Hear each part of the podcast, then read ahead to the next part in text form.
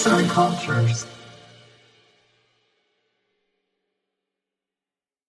Merhaba sevgili dinleyenler. Bugün sizlerle Türkolojiye giriş yapacağız. Keyifli dinlemeler. Türkolojinin sözlük karşılığı Türklük bilimidir. Fransız kökenli olan bu adlandırma Osmanlı döneminde Türkiyat olarak adlandırılmıştır. İki adlandırma da melez yapıdadır. Türk toplumlarının maddi, manevi kültürünü araştıran, Türk halklarıyla ve özellikle de Türk dil ve lehçeleriyle ilgilenen bilim dalıdır. Türkolojinin bir bilim dalı oluşu, Batı'nın doğuyu tanımak istemesiyle başlamıştır. Orta Asya bozkırlarından başlayarak Avrupa, Afrika, hatta Orta Doğu'ya uzanan Türkler merak uyandırmıştır. Oryantalizm ekseninde istislemleşen Türkoloji, Türk topraklarında çok geç ilgi odağı olmuş, Batı sorgusuyla uzun bir süre ilerlemiştir. Hatta Halil İnalcık da bu konuyla ilgili Türkolojinin, Türk filolojisinin kurucuları oryantalistlerdir demiştir. Fakat oryantalizm düşüncesiyle başlayan bu sistem daha sonradan bağımsızlığını ilan edecektir. Şarkiyat yani oryantalizm olarak da adlandırılan Türkoloji bir dönem bilim adamlarını karşıtlığa götürmüştür. Türkologlarımızdan Muharrem Ergin bir konuşmasında Türkoloji Türk filolojisi demektir.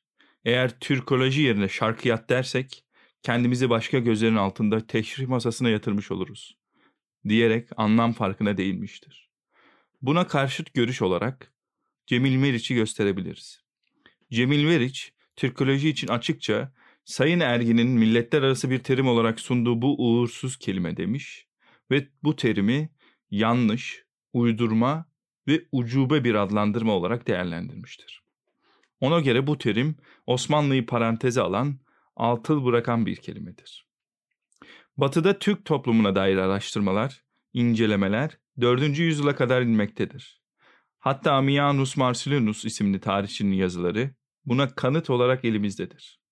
Bu araştırmaları 10 ve 11. yüzyıllardaki bazı batılı tarihçiler devam ettirir. Doğuda ise Türkoloji, Kaşgarlı Mahmut'un Divan-ı Ligatü Türk adlı sözlüğüyle başlamıştır. Türkiye'de kurumsal anlamda ilk Türklük bilimi çalışmaları da ikinci meşrutiyet döneminde başlamış diyebiliriz. Fakat doğuya değinmeden önce Macarlar ve Türkoloji ilişkisinden bahsetmeliyiz. Halkların ana yurtlarının neresi olduğunu, hangi halklarla yakın ilişki içinde olduklarının saptanmasını sağlayan en güvenilir yöntem ana dilin diğer dilleriyle karşılaştırılmasıdır. Macarların Türkler ile zamanında sınır komşusu olmaları, daha sonraki yüzyıllarda da Macaristan'daki Osmanlı hakimiyeti onları ulusal kimlik arayışına götürmüştür. Böylelikle Türkoloji Macaristan'da ilerlemiştir. Birçok Türkçe kelimenin Macarca'ya geçmesiyle de Türk dili üzerine olan çalışmaları artmıştır. Divan-ı Lügat-ı Türk, Türkçenin ilk bilinen sözlüğüdür. Kaşgarlı Mahmut tarafından yazılan bu sözlükte amaç Araplara Türkçe öğretmektir. Kelime açıklamalarının yanında Türk boylarının da açıklamalarını yapan Kaşgarlı Mahmut, modern bir ansiklopedi yazmıştır.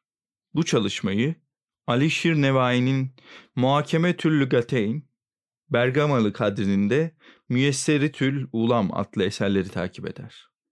Cumhuriyet öncesi son dönemde Dil çalışmalarına baktığımızda bizi birkaç sözlük çalışması daha karşılar. Ahmet Vefik Paşa, Süleyman Paşa, Ahmet Cevdet Paşa, Fuat Paşa, Suavi, Şemsettin Sami bu dönemde çalışma yapan sanatçılarımıza örnek olarak gösterilebilir. 19. yüzyıla geri dönersek eğer, Türk dillerinin sınıflandırılmasını, tasniflerini yapan Wilhelm Radloff, Wilhelm Thomson, Samoilovich, Baskov Ramstedt adlı bilim adamlarını burada anabiliriz. Bu yabancı Türkologlar içerisinde Türkçe'ye en fazla hizmet eden iki Wilhelm yani Wilhelm Radloff ve Wilhelm Thomson'dır. Aralarındaki çekişme bize birçok bilgi kazandırmıştır. Türkçenin bilinen ilk yazılı metinleri olan Orhun abidelerini 1893'te ilk defa bize sunan Radloff, Alman asıllı bir Rus'tur. Bu anıtları çözmede Radloff kadar acele etmeyip mükemmele yakın bir okuma yapan William Thomson ise İsveçlidir. Cumhuriyet dönemine yani ülkemize geri dönersek eğer bu dönemde konunun ciddiyeti anlaşılmış ve çalışmalar hızlanmıştır. 1924'te Fuat Köprülü'nün girişimiyle İstanbul Üniversitesi Edebiyat Fakültesine bağlı Türkiyat Enstitüsü 1932'de Mustafa Kemal Atatürk'ün öncülüğünde Türk Dil Kurumu kurulmuştur.